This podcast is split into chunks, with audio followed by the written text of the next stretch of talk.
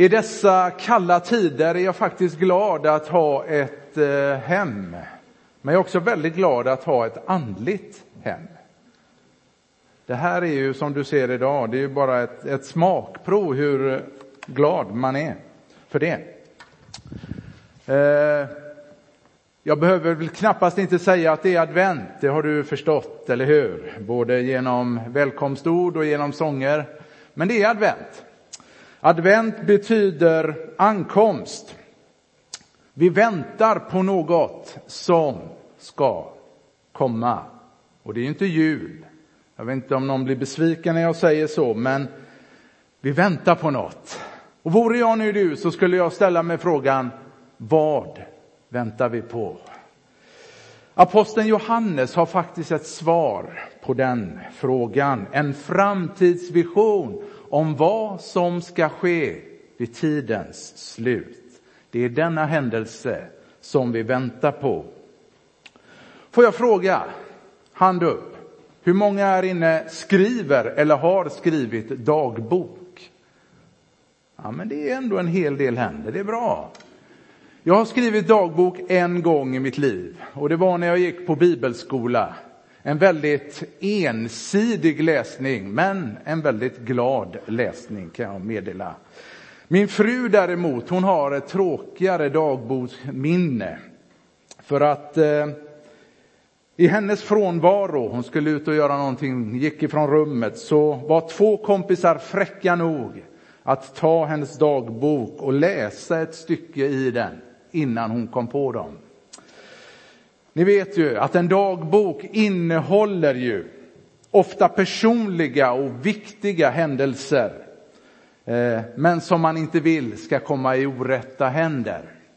Och dagens bibeltext handlar, ger oss en inblick i en annan bok full av viktiga händelser.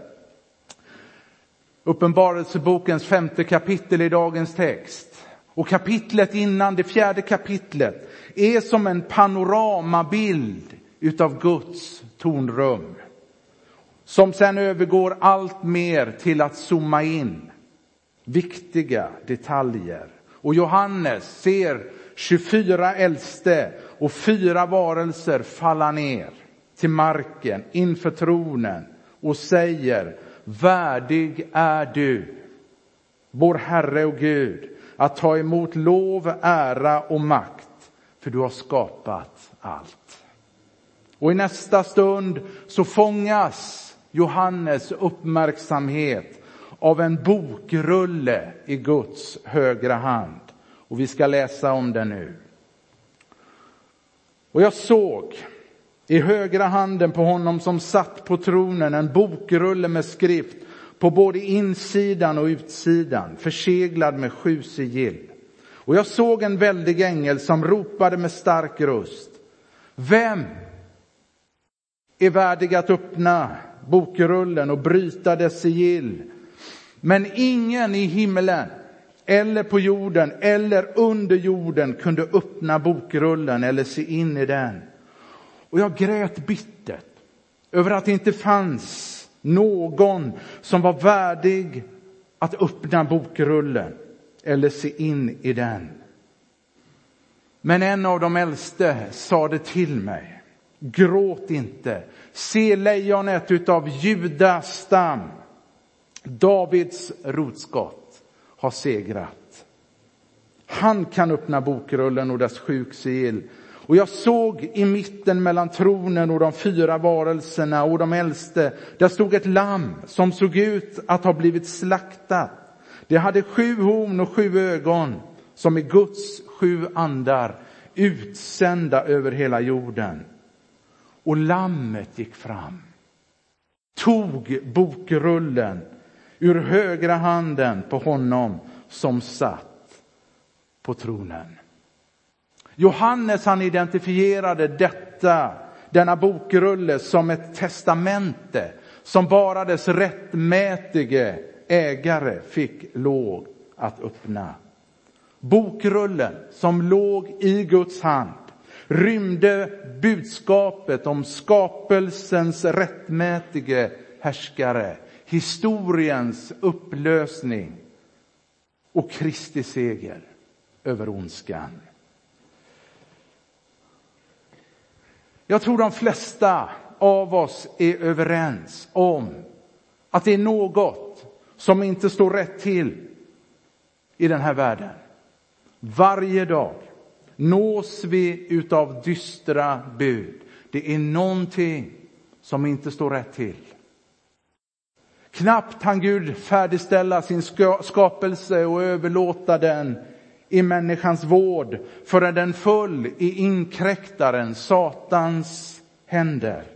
Genom Adams synd blev Guds skapelse fullständigt fördärvad. Inkräktaren var hänsynslöst grym och berövade människan all livsglädje. Om denna tunga börda kan man läsa i bokrullen som Gud hade i sin högra hand. Och resten av uppenbarelseboken är berättelsen om Guds seger över inkräktaren och återställandet av skapelsen till dess ursprungliga skick. Men Gud vinner inte denna strid med vapen som vi vanligtvis förknippar med krig. Istället strider han mot det onda med hjälp av sin godhet, vilket också ängeln ger uttryck för i de följande verserna. Och jag såg en väldig ängel som ropade med stark röst. Vem är värdig att öppna bokrullen och bryta dess sigill? Jag får ofta höra att min röst är ganska tacksam eftersom man så lätt uppfattar vad jag säger. Men mot denna väldiga änglaröst så framstår min röst som en svag viskning i ett slutet rum. Denna väldiga änglaröst kunde inte bara höras på jorden eller i himlen eller i underjorden. Vad ängeln sökte efter var någon som kunde befria skapelsen från dess slaveri och tunga börda. Om ingen framträdde så skulle skapelsen fortsätta att vara inkräktarens våld för alltid. Synden och döden skulle för alltid vara kvar och människan var förlorad för evigt. Hemska tanke. Den väldiga ängeln ropade med stark röst. Vem är värdig att öppna bokrullen och befria skapelsen ifrån dess främmande makt. Om du finns, var du än finns, kliv fram. Men svaret som ängeln får var beklämmande. Ingen fanns, varken i himlen eller på jorden eller i underjorden som kunde öppna bokrullen eller se in i den. Ingen, inte en enda, uppe i himlen eller på jorden var värdig att öppna bokrullen. Ingen av himlens änglar steg fram och sa jag kan. Alla erkände de sig ovärdiga. Inte heller någon ibland himlens härskaror. Inte en enda steg fram. Inte heller steg någon fram i underjorden. Varken Abraham, Mose eller Elia som hade avsomnat steg fram och sa jag kan göra det. Inte heller någon på jorden klev fram. Svaret som den väldiga ängeln får vittnar om att alla möjligheter hade undersökts och ingen, inte en enda, förmådde öppna bokrullen. Och svaret som ängeln får var nedslående. Ingen, ingen fanns som kunde öppna bokrullen. Många människor har genom åren verkligen försökt att bygga en idealvärld. Genom århundradena har man sökt efter denna någon som sitter på universallösningen på människans problem. Men också den mest rättvisaste politiker eller forskaren eller filosofen eller till och med den frommaste teologen bär de allesammans på syndens spår i sin kropp. Och vi förstår den väldiga ängeln. Jag grät bittert över att det inte fanns någon som var värdig att öppna bokrullen och se in i den. Blotta tanken på Satans fortsatta grymhet och härningar fick Johannes att brista ut i bittert gråt. Blotta tanken på skapelsens fortsatta slaveri, på dödens omåttlighet och på Satan som kung över jorden fick Johannes att börja gråta. Djupt plågad av ondskans grymheter så har Guds barn verkligen gråtit i alla tider likt Johannes. Knappt hade Adam och Eva lämnat lustgården förrän de tvingades böja knä vid Abels grav och vattnar den med sina tårar. Plågade av slaveriet i Egypten ropade och grät Israels barn så att de steg upp till himmelens Gud. Såväl gudsmannen Job och profeten Jeremias ansikte var färgat av tårar och aposteln Paulus ansikte likaså. Lägg där till dina och mina tårar som plågat inte bara oss utan Guds barn från denna dag, likt Johannes. Blotta tanken på att döden skulle få sista ordet är en outhärdlig, plågsam tanke. Men en av de äldste sade till mig, gråt inte. Se, nu är det inte ängeln som talar, utan det är en av de äldste som själv blivit friköpt genom Lammets blod. En av de äldste sade till mig, gråt inte. Så tröstande. Och du vet att detta tröstande budskap har förkunnats av den kristna kyrkan genom alla tider. Det var detta budskap som profeterna förutsåg i Gamla testamentet. Aposteln Petrus han skriver om dessa profeter. De förutsade Kristi lidande och den härlighet som skulle följa. Och lyssna, det gladde dem. Det gladde dem. Samma budskap, gråt inte, i mänsklighetens saliga och ljusa framtidshopp än idag. Den äldste fortsatte. Se lejonet av Judas stam. Davids rotskott har segrat. Han kan öppna bokrullen och dess sju sigill. Denna Messias kan befria skapelsen från dess fångenskap, kasta ut inkräktaren och krossa dödens makt.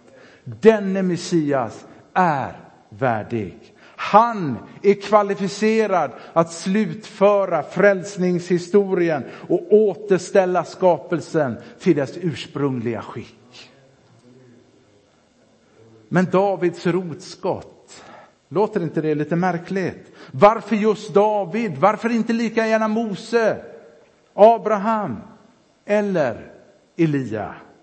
Jo, för att David var kung. David förknippas mer än någon annan av Bibelns personer med kungamakt. Bland Israels kungar fanns ingen lik David och det var detta som Gud hade i åtanke. Eftersom Guds son var utvald till att härska över hela skapelsen var han tvungen att komma ur Davids släkt. Och jag såg, säger Johannes, i mitten mellan tronen och de fyra varelserna och de äldste stod ett lamm som såg ut att ha blivit slaktat. Den hade sju horn, sju ögon, som är Guds sju andar utsända över hela jorden. Alltså vilken förunderlig syn. Och att bara försöka beskriva detta. Johannes, han sökte med blicken efter lejonet. Men fann istället ett oskyldigt litet lamm. Detta lilla lamm för tankarna till den första påsken som Israel då var ålagda att fira efter uttåget ur Egypten. Och varje hushåll skulle gå ut och leta upp ett lamm. Men det gick inte att ta vilket lamm som helst.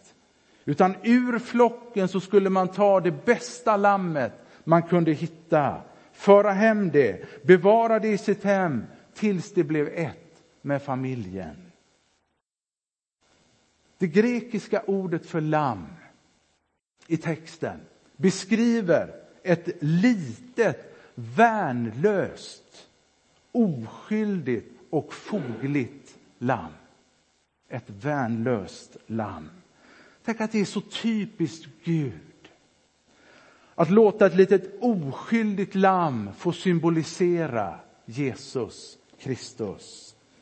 Du vet att när människor eller nationer väljer djur som symboler för deras länder, då väljer man någonting helt annat, helt andra djur och fåglar. Ryssland, de har en björn. England, de har ett lejon. Och USA, de har en örn. Samtliga dessa är rovdjur. Men det är bara Gud som vågar sig på att utse ett hjälplöst lamm som maktsymbol för sitt eget rike. Och då inte i första hand lejonet som Johannes sökte efter, utan lammet.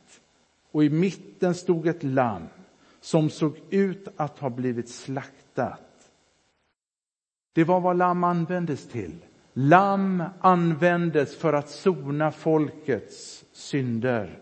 På samma sätt offrade sig Jesus för vår skull för att försona människor med Gud. Ett slaktat lamm vittnar om att den gudomliga segern inte vinns genom maktdemonstrationer ovanifrån, utan underifrån genom Jesu död och lidande. Och lammet var värdigt att bryta bokrullens sigill därför att det hade blivit slaktat. Kristi offerdöd är en absolut och avgörande händelse i historien och helt nödvändigt för historiens upplösning. Det är det slaktade lammet som har makten och ingen annan.